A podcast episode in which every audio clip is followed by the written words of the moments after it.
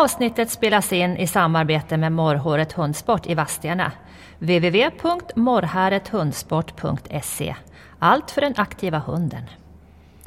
Halloj Maria! Hej Helene! Hur är läget? Jo, men det är bara fint. Du kom hit igår kväll med andan i halsen, lite grann. Eh, som vanligt då, Som med andra ord. vanligt. Och eh, jag kom ju, jag kom ju hem, hem till Helene här och så vi serverade lite god mat och lite prosecco och, och får det liksom äntligen en liten stund att andas ut. Jag hade haft ett eh, seminarium online. Det finns en grupp som heter Obedience Seminar Online. Som, de har olika, olika internationella liksom, instruktörer då. ehm, som har seminarien via Zoom. Ja, Så ett sånt hade jag då. som handlade om...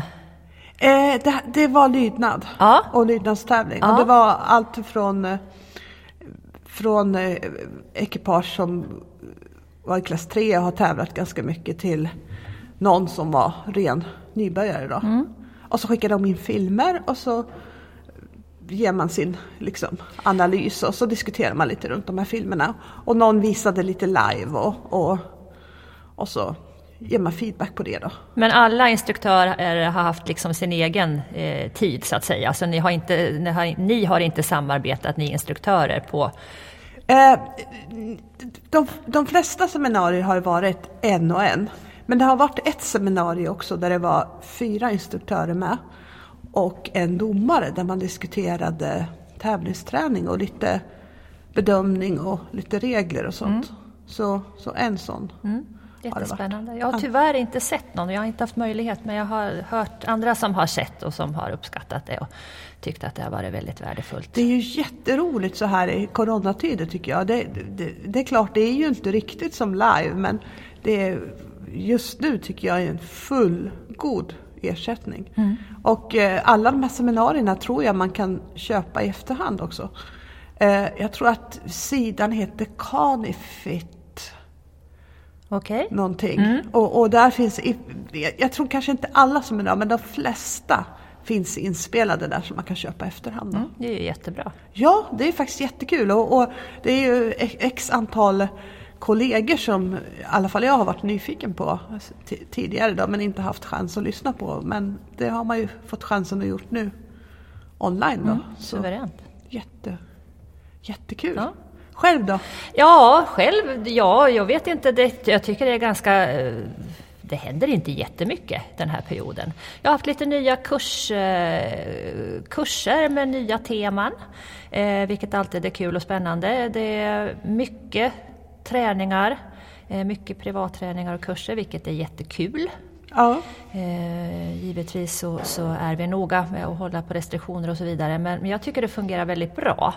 Eh, alltså hundsporten funkar ju, alltså, våran sport är ju inte lika drabbad som många andra eh, både sporter och, och, och eh, inriktningar, utan vi, vi har ju ganska lätt att hålla på de här restriktionerna tycker jag, vilket gör att man kan hålla igång sin verksamhet ganska så bra. Man, det finns andra som är betydligt mer drabbade än vad, vad man själv är tycker jag. Absolut, absolut. Och, och som sagt hundsporterna, det går ju att träna. Man håller ju nästan alltid, det, det blir nästan alltid ett naturligt avstånd när man har hund på något sätt. Ja, Så, absolut. så Den det, egna träningen då? Vad eh, hänger du i och tränar mycket eller? Nej, det har väl varit ganska lugnt nu en, en period. Då. Lite grann har jag tränat, Mm. kanske ett par gånger i veckan eller något. Så det är i alla fall något då. Men den här veckan blir en lite mer intensiv vecka då. Där jag först ska åka ner till Jönköping och eh, träna lite lydnad tillsammans med Diana.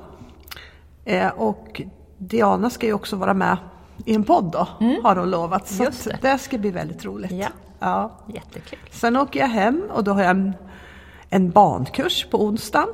Jag har ju haft några sådana här bankurser. Det, det har varit jätte, jätteroligt och jättespännande. Det är ju ett av mina favoritämnen.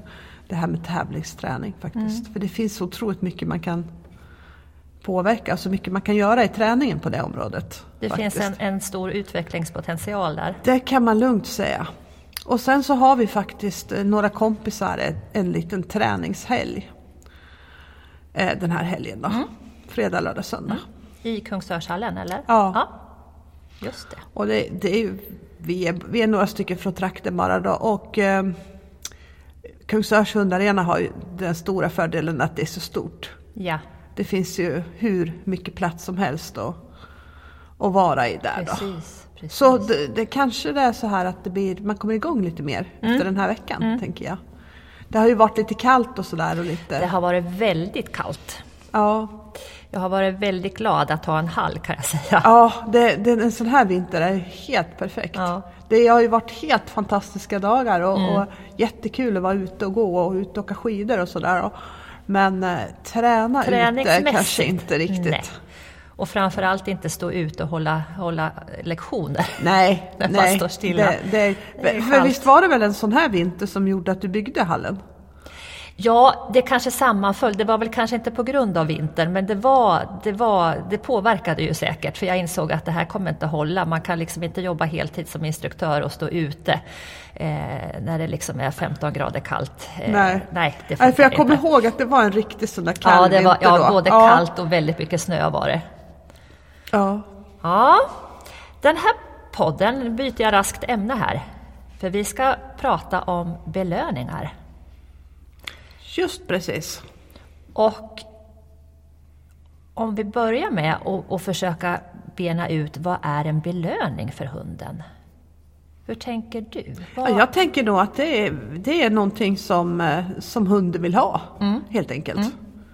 Att, det, att det inte är svårare än så. Och att, och att en belöning är ju egentligen, det, det är ju ingenting som vi bestämmer egentligen, utan det är ju vad hunden verkligen vill ha, oavsett om det är godismat eller leksak eller någonting annat. Mm. Vad tänker du? Nej, men jag tänker det, precis det du sa nu, att det är någonting som hunden vill ha. Ibland kan jag uppleva att vi, vi tror att vi belönar våra hundar för att den borde uppskatta sin köttbulle eller den borde uppskatta sin, sin boll.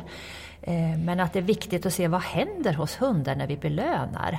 Får vi den effekt som vi vill ha? Eh, Eller, eller stoppar vi bara i vår, vår eh, korv eller godbit i munnen på hunden utan att få någon direkt effekt? Därför att vi tycker att vi försöker tanka hunden med eh, massa ny energi och motivation. Och det tror vi att vi gör genom att stoppa i en, en, en liten polett i den med jämna mellanrum känns det som. Och det här tycker jag är ett, ett intressant ämne det här med belöningar. Eh, och jag tror att det finns väldigt mycket att fundera kring belöningsbiten. Jag håller absolut helt med. Och det var faktiskt en, en, av, en av grejerna som kom upp eh, på det här seminariet igår. Och det kan vi ju det, kan vi ta lite senare, men, men just det här med, med lite problem med belöningarna. Ja, och då kan man ju fundera över hur påverkar belöningarna träningen? Alltså kan, hur länge, hur ska jag, hur ska jag formulera det? Hur, hur länge, när blir belöningarna en belastning för hunden? Jag skulle vilja säga att belöningarna blir en belastning när man använder dem på fel sätt. För där, det har ju väldigt mycket att säga vad du gör med, med, med en belöning.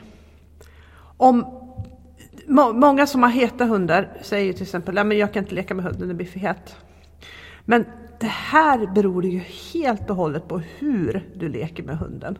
Och hur du presenterar leksaken och hur du lär hunden att hantera leksaker. Om du leker på rätt sätt så skulle jag vilja säga liksom att så kan man leka med alla hundar.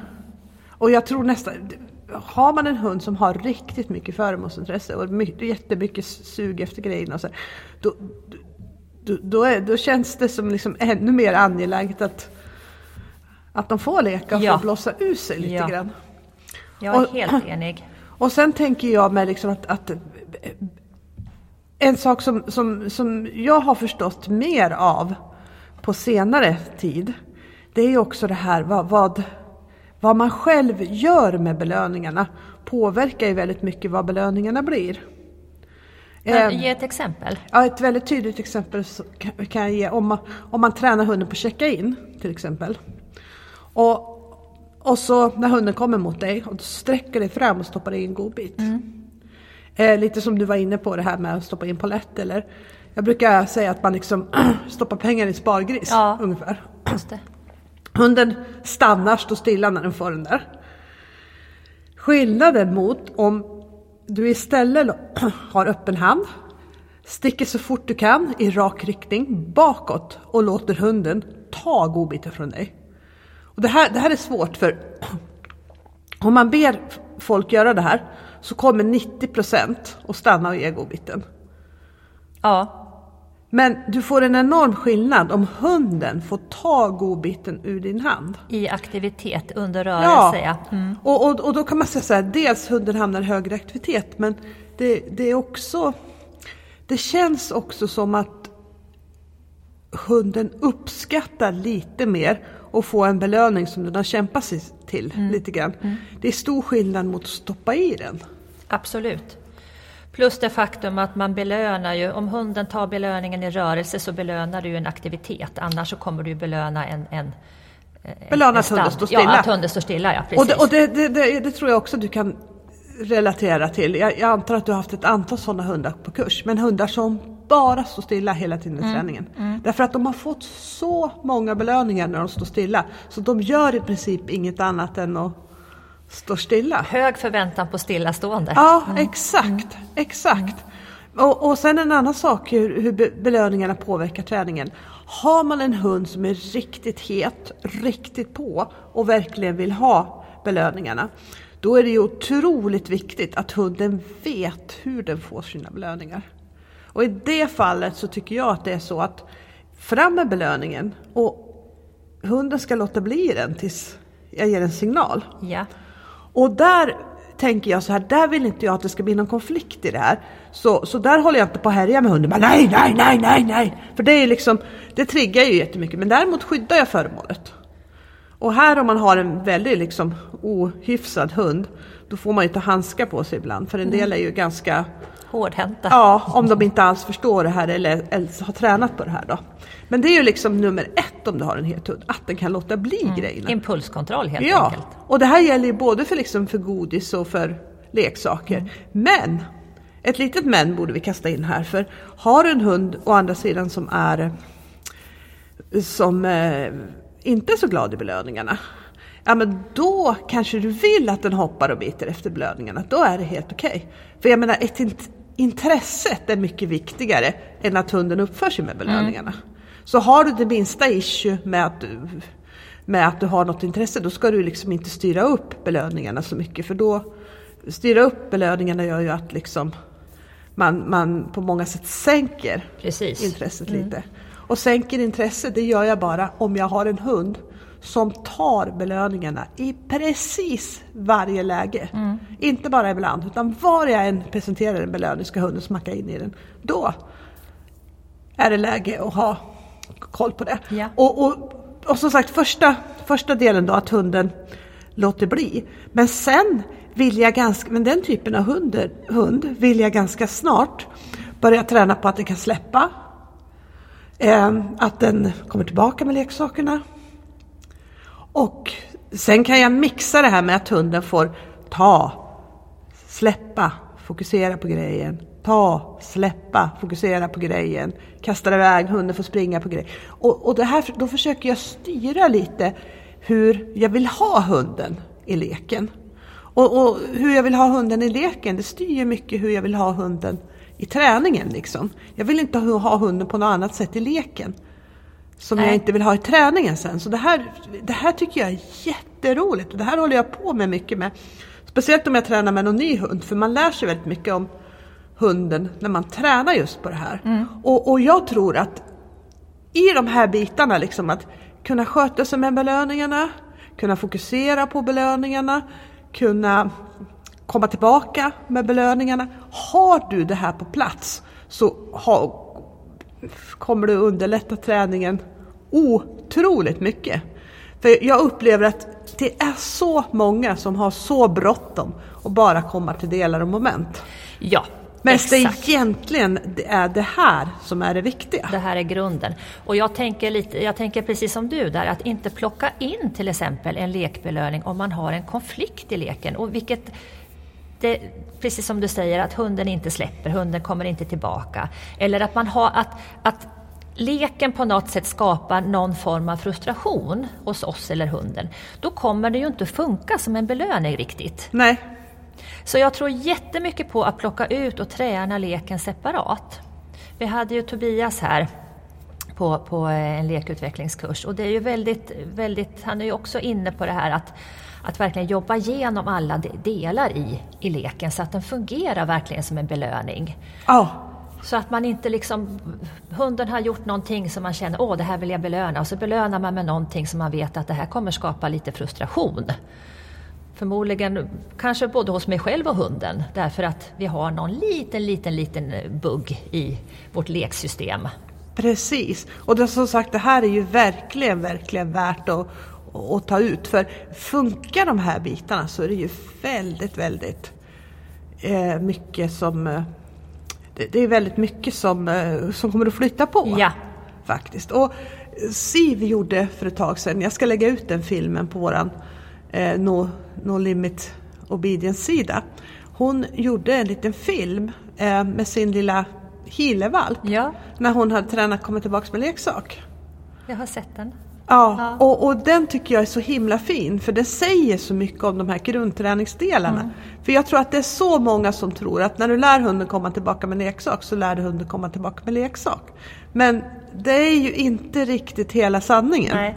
Eller inte, inte riktigt, du lär ju hunden så otroligt många viktiga saker som du sen har nytta av mm. i träningen. Mm. Så, så jag tycker att det är så, ja, otroligt bra exempel på det här. Och, och det här är ju någonting som jag verkligen önskar att fler skulle lägga mer tid på. Mm. För det som kom... en stor del i grundträningen. Ja. Och inte bara grundträningen utan Sen träningen också. överlag. Och på vissa hundar, exempel de här hundarna som, som, som, som jag pratar om som är väldigt glada åt sina belöningar. De får man ju kanske underhålla det här på hela tiden mer eller mindre. Ja. Därför att det här kommer att vara, jag, jag brukar tänka så här i träningen att med, med, med, vissa hundar så har du alltid vissa delar som du alltid måste ha i bakhuvudet. Att du vet att den hunden har, ja men jag vet att min hund den är helt galen i grejer och den biter sig gärna fast i grejer. Då, då måste ju liksom det vara en prioriterad grej i träningen, alltid. alltid ja. Inte när jag tränar på det, utan jämt. Mm. Utan det här kommer att vara viktigt. Kanske det viktigaste varje gång jag tränar oavsett vad jag tränar på. Så att man inte tappar bort de här grejerna bara för att man börjar träna på, på andra saker. Ja, precis. Exakt. Att det måste finnas kvar där. Mm. Och det är så tror jag med många issues, när man har större issues hos, hos hunden som man hela tiden behöver hålla undan och hålla efter liksom.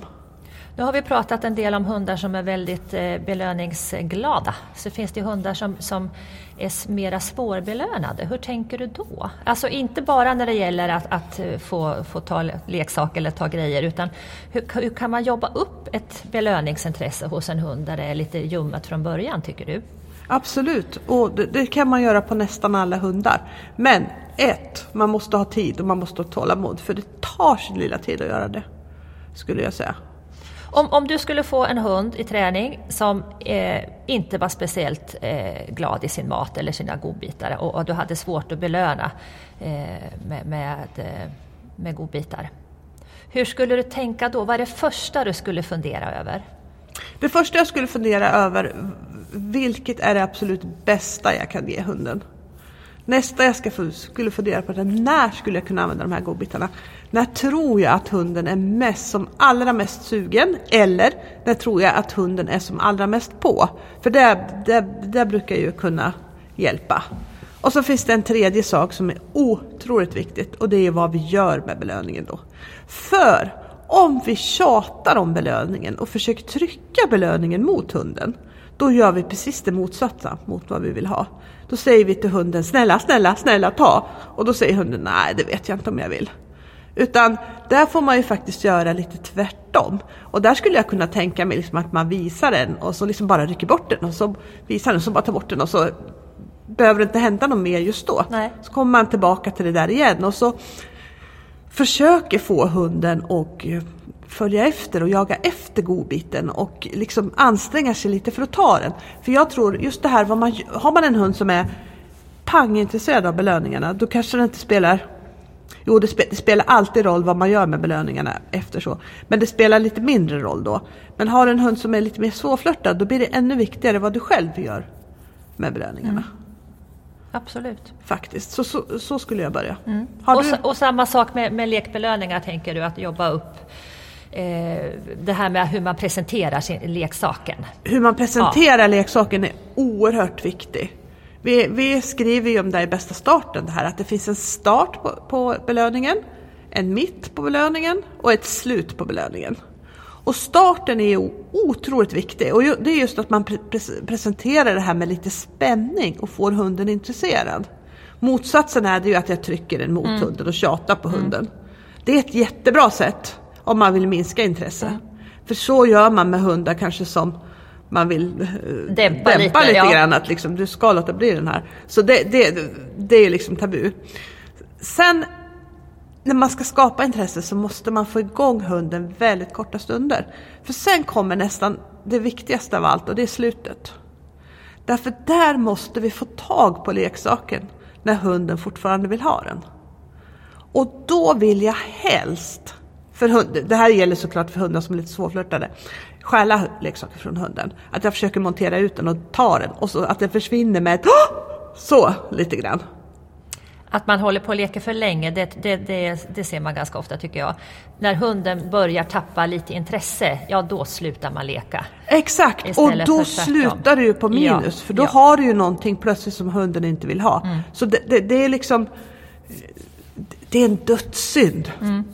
Och, och, och sluta leka när hunden slutar. Mm. Sen kanske man råkar ut för det någon gång, att det bara blir så. Man men, håller på lite för länge. Ja, inte, så att hunden inte riktigt orkar. Ja. Men, men då får man se till att nej, det här får inte hända mm. nästa gång då. Så för, korta, korta lekstunder och försöka sno leksaker när hunden är som mest ja. intensiv i leken. Ja, och, och så sen... kanske försöka sno den med, med liksom verkligen sån här och kanske springa iväg med den, dra den efter backen så hunden får ta och så försvinner den då. Ja. Eller mm. någonting som får hunden, var är min grej? Mm. Var tog den vägen? Mm. Och det här, det, det, som, det, det, som jag tror de flesta faller på här, det är att man tror att det här är något som man testar i träningen. Men det här är någonting som man tränar fram. Och det kommer att ta sin lilla tid. Och det, det som är lite jobbigt med det här är att det brukar gå lite upp och ner. Ja. Men min erfarenhet av det, har du fått lite intresse så kommer du få lite till. Har du fått lite till så kommer du få lite till och då kommer du få lite till. Men det kommer just så här lite ojämnt och väldigt lite i taget. Men det här är ju, det här är ju värt att träna på. Det är absolut värt att träna på och jag tror att det här är lite en hund som inte vill leka med oss, alltså det är lite, lite frustrerande. Mm. Vi tycker att vi erbjuder någonting som hunden borde tycka är, är, kul. Och den borde tycka att det är roligt att göra det tillsammans med oss. Och sen gör den inte det. Alltså det är lätt att få en liten, jag är nog en, en ganska tråkig hundtränare-känsla. Och då kanske man istället undviker att träna det här, tänker ja. jag. Jag upplever det många gånger. Man gör lite lama försök och sen så tar hunden inte riktigt i för den kanske vet att ja, jag kommer att få min köttbulle i alla fall. Jag behöver inte liksom leka, jag vill hellre ha min köttbulle. Och då ger man upp och sen får man hunden en godbit istället. Och det här blir ju ett väldigt tydligt belöningsmönster som hunden lär sig på nolltid. Absolut, absolut. Men om vi nu säger att vi har fått ett belöningsintresse, vi har ett belöningsintresse hos vår hund. Eh, varför är det viktigt att ha en belöningssignal? Eller är det viktigt, ska jag fråga. Det var en ledande fråga. Varför är det viktigt att ha en belöningssignal? Eh, ja, jag tycker att det kan... Det, där är ju lite olika, men, men eh, du vill, har du en belöningssignal så kan du ju vara ännu mer tydlig med exakt vad hunden får belöning för. Mm. Det blir ofta mer, mer tydligt och, och enkelt för hunden att förstå att aha, just det.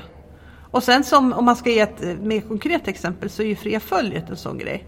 Om hunden när du går fot går och tittar efter att du ska börja röra dina armar för att ta fram en belöning. Då kommer du få en hund som inte har riktigt rätt fokus i fria följet. Men däremot kan du knalla på och så kommer din belöningssignal och sen stoppar du ner händerna och sen. Och det här är ju någonting som många behöver träna jättemycket på rent tekniskt. Ja.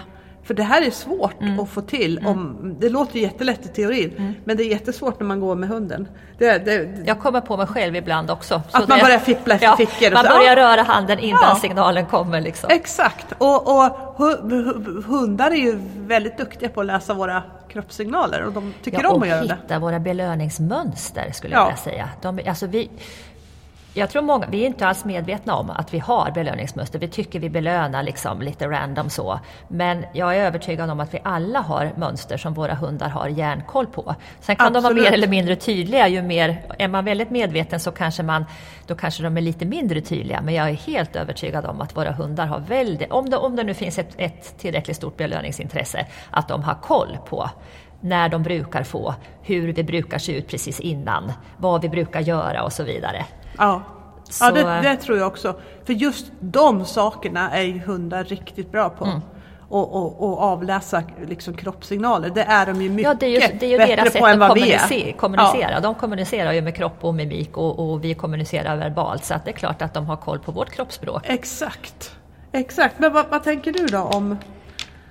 Om belöningssignal? Ja, Ja, jag tänker mig precis som du att, att eh, jag vill markera exakt vad, vad, vilket beteende jag vill belöna och också lite grann att jag har några olika, jag har inte massor med olika belöningssignaler men jag har några olika beroende på vilka belöningar, eller hur jag ger belöningen. Eh, exempelvis jag, är inte, jag jobbar inte jättemycket med externa belöningar men jag har framförallt en där hunden får vända och ta en belöning rakt bakom till exempel. Eh, som jag har användning av i träningen. Och det har jag då en speciell belöningssignal på. Så Ja. att även om hunden inte vet att det finns en belöning där så säger jag min signal då ska den tvärvända på stället och springa rakt bakåt för då ve- vet den att det kommer att finnas någonting där. Så då har jag liksom en speciell signal för det. Eh, sen har jag några andra signaler också så beroende på eh, lite vilken situation jag belönar. Men, men inte jätte, en del har ju väldigt många olika signaler. Ja, ja. För godis och bus och, och allt möjligt och, och hur, i vilken situation hunden får belöningen och hur den ska ta den. Eh, jag har som sagt några stycken men, men eh, inte, inte fler än att jag kan hålla reda på. Ja, just det. Vad ska man tänka då? Ska man ha många eller ska man ha en? Jag tror att det är lite individuellt det där. Trivs man med att ha många och har, kan hålla reda på dem och, och hunden har lärt hunden de olika signalerna, ja varför inte? Men eh, det viktiga tror jag är att man har någon form så att det inte blir så att, att belöningarna bara kommer rätt vad det är från något håll och hunden har egentligen ingen aning om vad den blir belönad för. Nej, nej, sant. Så, och, och också lite grann det här eh, när man har givit en belöning, man ger en belöningssignal, man ger en belöning. Innebär det per automatik att hunden får bryta eh, position eller beteende eller ska den vara kvar? Jag tänker exempelvis i ett moment som fritt följ. Där vill ju jag kunna belöna min hund i gåendet utan att fria ut den och behöva börja om varje gång, till exempel. Och då vill jag kunna ge min belöningssignal, ge min belöning i position eh, och sen fortsätta utan att hunden checkar ut överhuvudtaget.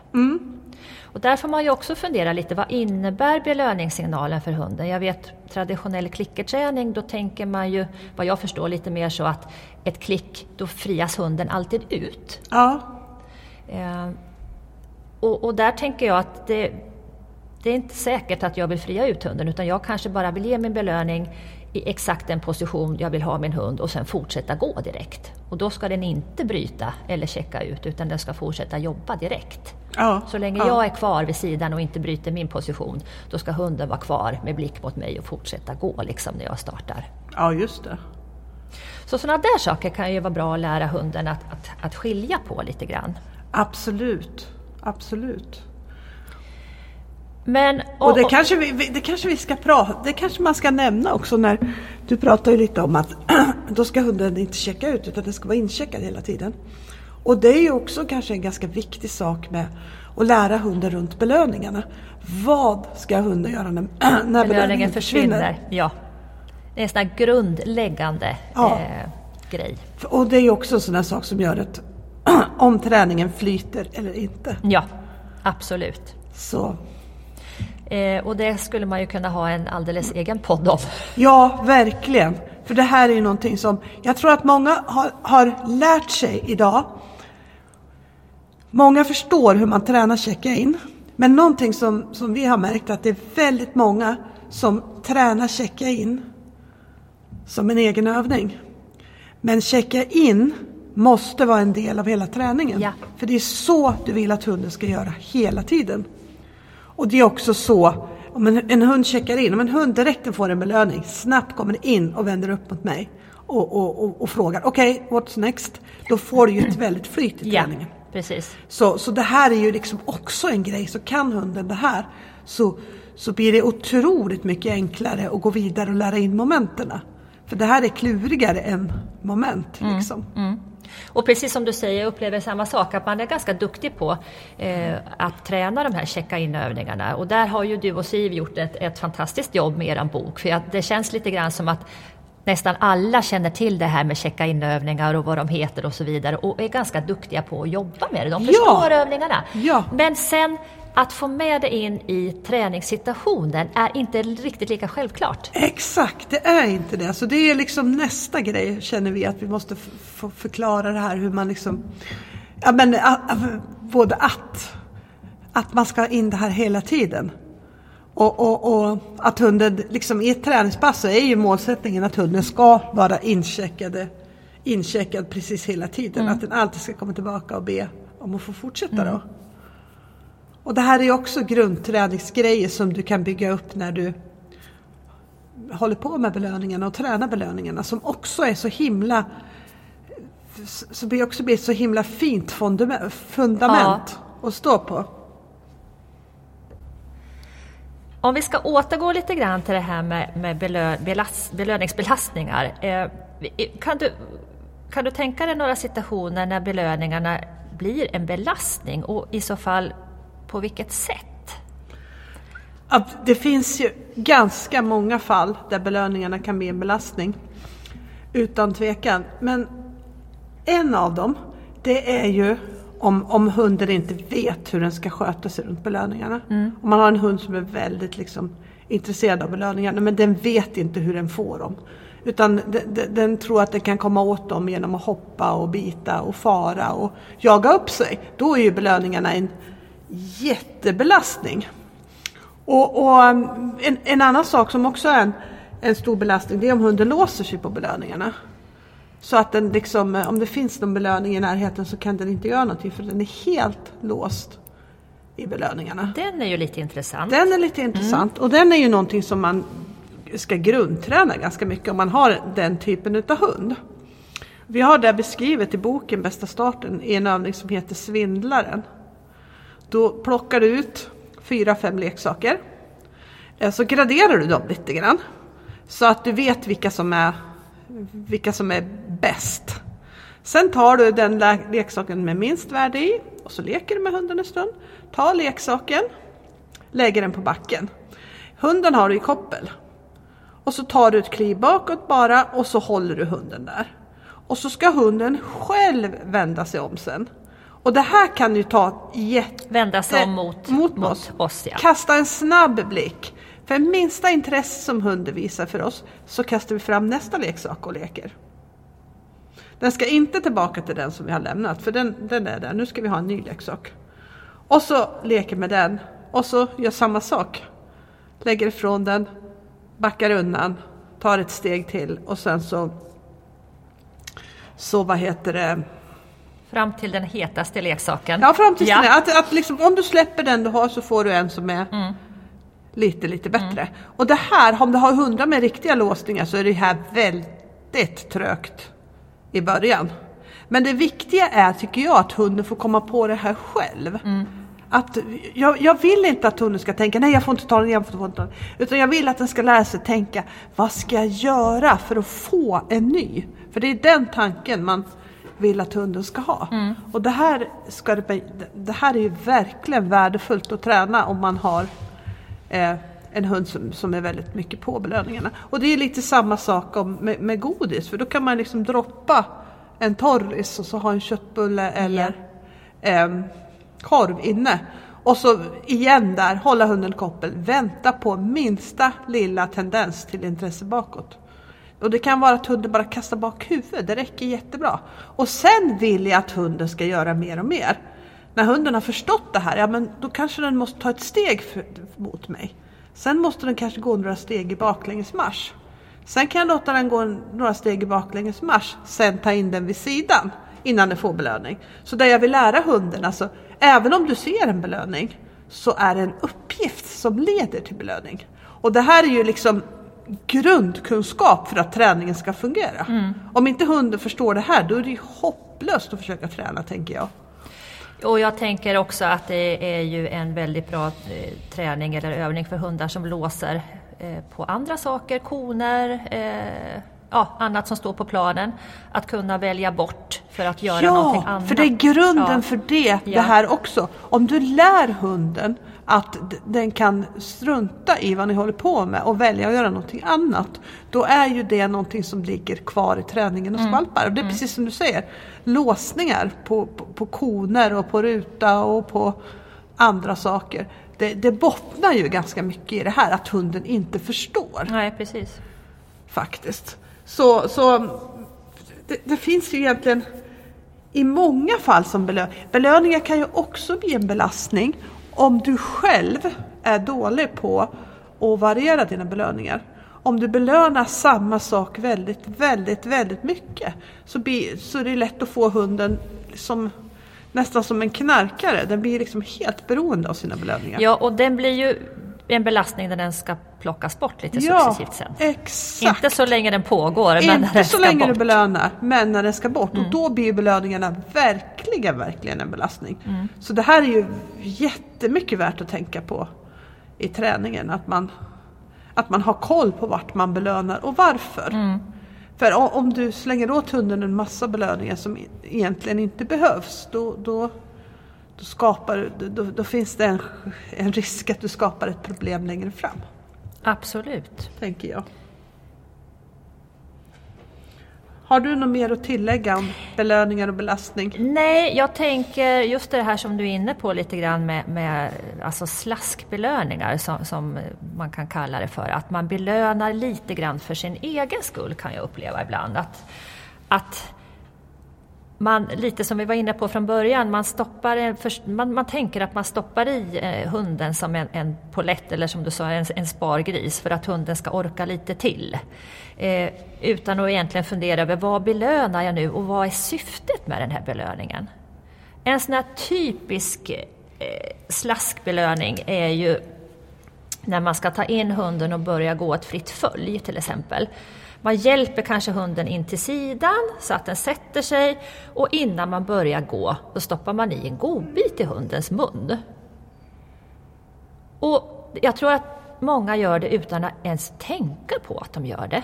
Därför att man kanske gjorde så när hunden var valp och man skulle träna ingångar. Men fortfarande när hunden är två, tre år så ja, ligger man kvar i exakt ja, samma beteende. Just det. Och den dagen hunden inte får sin belöning när man, innan man startar, vad händer då? Ja. ja, det beror lite på vad man har för typ av hund. Men jag, jag, tror att där kan man ju verkligen få en belöningsbelastning. Hunden saknar den belöning som den liksom har fått i, i ja, väldigt, väldigt många gånger i exakt samma situation. Och det är ju egentligen en belöning som inte har något som helst syfte. Nej, nej precis. precis. Så, och, och just det här att, att man funderar över att vad belönar jag och varför? Och det här är ju någonting tycker jag man kan fråga varandra om man är en träningsgrupp sådär. Det här, det här är ju inget, alltså det här gör vi ju alla tror jag. Att vi slaskbelönar någon gång. Absolut. Jag gör det, det må väl ha hänt. Ja, det ja. må väl ha hänt någon gång. Ja. Men att man ibland kan fråga varandra, du vad belönar du nu och varför? Och då måste man ha en jäkligt bra förklaring för att den ska gå igenom. Ja, ja. Eh, bara för att själv verkligen bli medveten om att, nej men var det här nödvändigt? Och med det, alltså jag menar inte att man inte ska belöna sin hund, för självklart ska man göra det. Men det är lätt att fastna i ett sätt att belöna istället för, och jag kan uppleva också många gånger att de här god, vad heter det, godisbelöningarna som man ger, ger man lite grann för att man inte vet vad man ska göra istället. Alltså man kommunicerar genom sina godbitar för man vet egentligen inte, man har inget annat sätt att, att jobba med hunden. Man tappar lite av sin kommunikation. Ja. Man kommunicerar genom korven. Genom, ja, ja. Och där kan man ju också tänka till lite grann, kan jag göra på något annat sätt? För att inte få den här belastningen, om vi nu tänker att vi ska tävla, för då har vi inga belöningar mer än oss själva att jobba med på planen. Eh, och steget blir ju väldigt, väldigt stort från att kanske få 25 belöningar under ett eh, 15 minuters pass till att inte få en enda. Mm. Och dessutom blir det andra parametrar som spelar in i form av, av eh, miljö och kanske en lite nervös förare och folk som står och granskar och så vidare. Tävlingsmiljön i stort. Så att eh, det finns ju det, det är många bitar att tänka på där tycker jag kring, kring belöningshanteringen. Absolut, och kanske man ska bara ha en sån tanke liksom innan. Vad gör hunden när jag belönar? Vad gör hunden precis innan jag belönar? För när vi kommer till slaskbelöningar så nå- någonting som inte är helt ovanligt det är till exempel om du lägger hunden på paus och så ligger hunden och så börjar hunden gnälla. Då får den en godbit. Ja, just det. Eller så flyttar sig hunden, då får den en godbit. Ja. Och, och, och, och på så vis så blir det li- lite att, de, att hundarna tränar oss istället på att De är väldigt duktiga på att träna. Ja, faktiskt. faktiskt. Men hur ska man tänka då för att, att successivt kunna få hunden att prestera utan de här vanliga belöningarna? Hur tänker du i träningen? Ett, det, det här kan man ju starta med redan i början och det är att bestämma sig för att man redan i tidig detaljträning eh, ger kanske, jag brukar ha två regler. En, det är att jag att jag typ av fjärde belöning ger en helt annan belöning. Om vi säger så här, jag ska ge ett konkret exempel. Och det är ju till exempel jag tränar ligg. Då vill jag att hunden ska få belöningen när den ligger med hela tyngden ner mot backen. Alltså kommer den få de flesta belöningarna där nere på backen när den ligger tungt. Ja, Men jag vill inte att den bara ska få det. Så den fjärde så kan jag ta upp hunden, ta ett steg bakåt och belöna som en transport. Eller jag kan kasta en godis till hunden. Eller jag kan liksom, ja men hitta på någonting annat så att det blir någon helt... Så att den inte ska bli... Jag ska redan från början veta att de här ser inte alltid exakt likadana ut. Det, det, det är en regel. Den andra regeln som jag försöker använda det är att inte belöna samma sak två gånger efter varandra. Exakt samma sak. Till exempel om du ligger plats eller går fot. Eh, har jag gått två steg och belönar det, då ska det vara ett eller tre steg nästa gång. Liksom, det ska inte vara samma två gånger i rad. Nej. Och tränar jag platsliggning och hunden kanske ligger 30 sekunder, ja, men då ska den nästa gång ligga kortare eller längre, men inte samma. Nej. För då, då kommer jag ju ganska mycket ifrån det här om jag, om jag tänker så hela tiden. Det ska inte vara på samma ställen liksom. Och, och sen så, så börjar jag jättetidigt också, och det, det börjar redan med valparna, att träna små korta kedjor. Att, att liksom fortsätt, fortsätt, fortsätt. ge, ge fortsätt. exempel på en, en valpkedja. En valpkedja kan vara att jag kör ett igenom, genom mina ben, Ja. en handtaget Ja.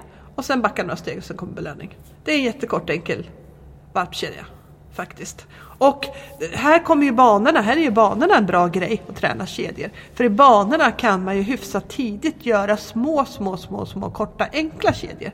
För det här är ju någonting som man verkligen, verkligen behöver göra över tid. För du och jag pratade ju lite om om det här med att ta bort belöningar. Att de flesta ligger kvar alldeles för länge i alldeles för mycket belöningar. Och så ta bort de här belöningarna alldeles för snabbt när det börjar närma sig tävling. Precis som med hjälper tänker jag. Man Ja. ligger kvar lite för länge i samma hjälpbeteende. Exakt! Och sen plockar man bort hjälpen för snabbt. Ja, och då tappar man ibland både attityd och lite av den fina teknik som man kanske har fått till. Så det gäller ju samma sak här och här gäller det att vara ganska medveten om vad man gör och ha koll på sin träning tycker jag. För, för eh,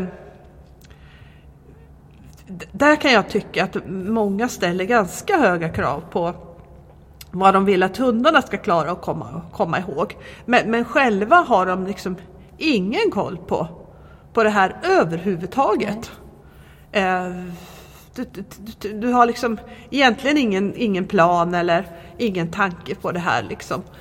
Då, då, det... är vi ju inne lite grann på det vi har pratat om i någon tidigare podd och som vi säkert kommer att komma tillbaka till i, i många andra poddar framöver också. Det här med att, att lägga mera fokus på oss som hundtränare. Hur kan vi utveckla oss själva för att vi ska bli bättre på att träna våra hundar och inte bara tänka att det är hundens ansvar att lära sig. Det är vårt ansvar att, att kunna förklara och berätta och tolka våra hundar på ett så pass bra sätt så att vi underlättar träningen. Ja, och där tänker jag, det kanske vi också ska ha ett poddavsnitt om, men du och jag kommer ju ha en en föreläsning ja. online om tävlingsträning alldeles snart. Håll utkik på No Limit Obedience och High Five så kommer ni att se den där vi kommer att prata om det här och då kommer vi bland annat att ta upp lite så här hur blir man världens bästa coach för sin hund? Precis. Det är lite det det handlar om och det, det kan jag också tycka att det, den delen av träningen, när man börjar tänka på, på sig själv i det perspektivet, att man själv ska lära sig massa och inte tänka så mycket på vad hunden ska lära sig. Då, det tycker jag ger en otrolig utveckling. En början kick skulle jag vilja säga. En kick! Ja. I början är det lite deprimerande för man upptäcker att man, att man tror att man är ganska bra på många ja. saker. Och sen när man tittar lite närmare så kommer man på att ja, man kanske inte är dålig på dem direkt men, men det finns stor utvecklingspotential. Men efter ett tag så kommer man på att det här är ju jätteroligt. För, för, då, för här tänker jag, det är ju teamhunden och jag. Jag är coach över teamhunden och jag. Och det hänger ju mycket på att jag kan göra mitt jobb. Ja. Så det hänger ju väldigt mycket på att jag utvecklar mig, att jag tänker och att jag anpassar mig.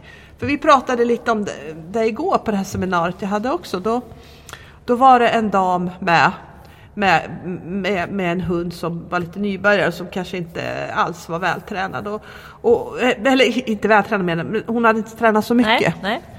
Och, och, och, hon sa där, ja men jag har ju varit på x antal kurser nu då, men, men alla säger att jag ska köpa en ny hund, det är ingen att träna med den här hunden då, för att Aha. den är liksom inte, den är inte tillräckligt bra för att träna lydnad med liksom.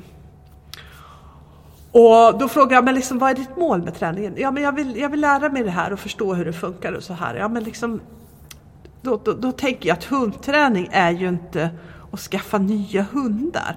Utan hundträning är ju att få till så bra som möjligt med den hunden som jag har. Mm.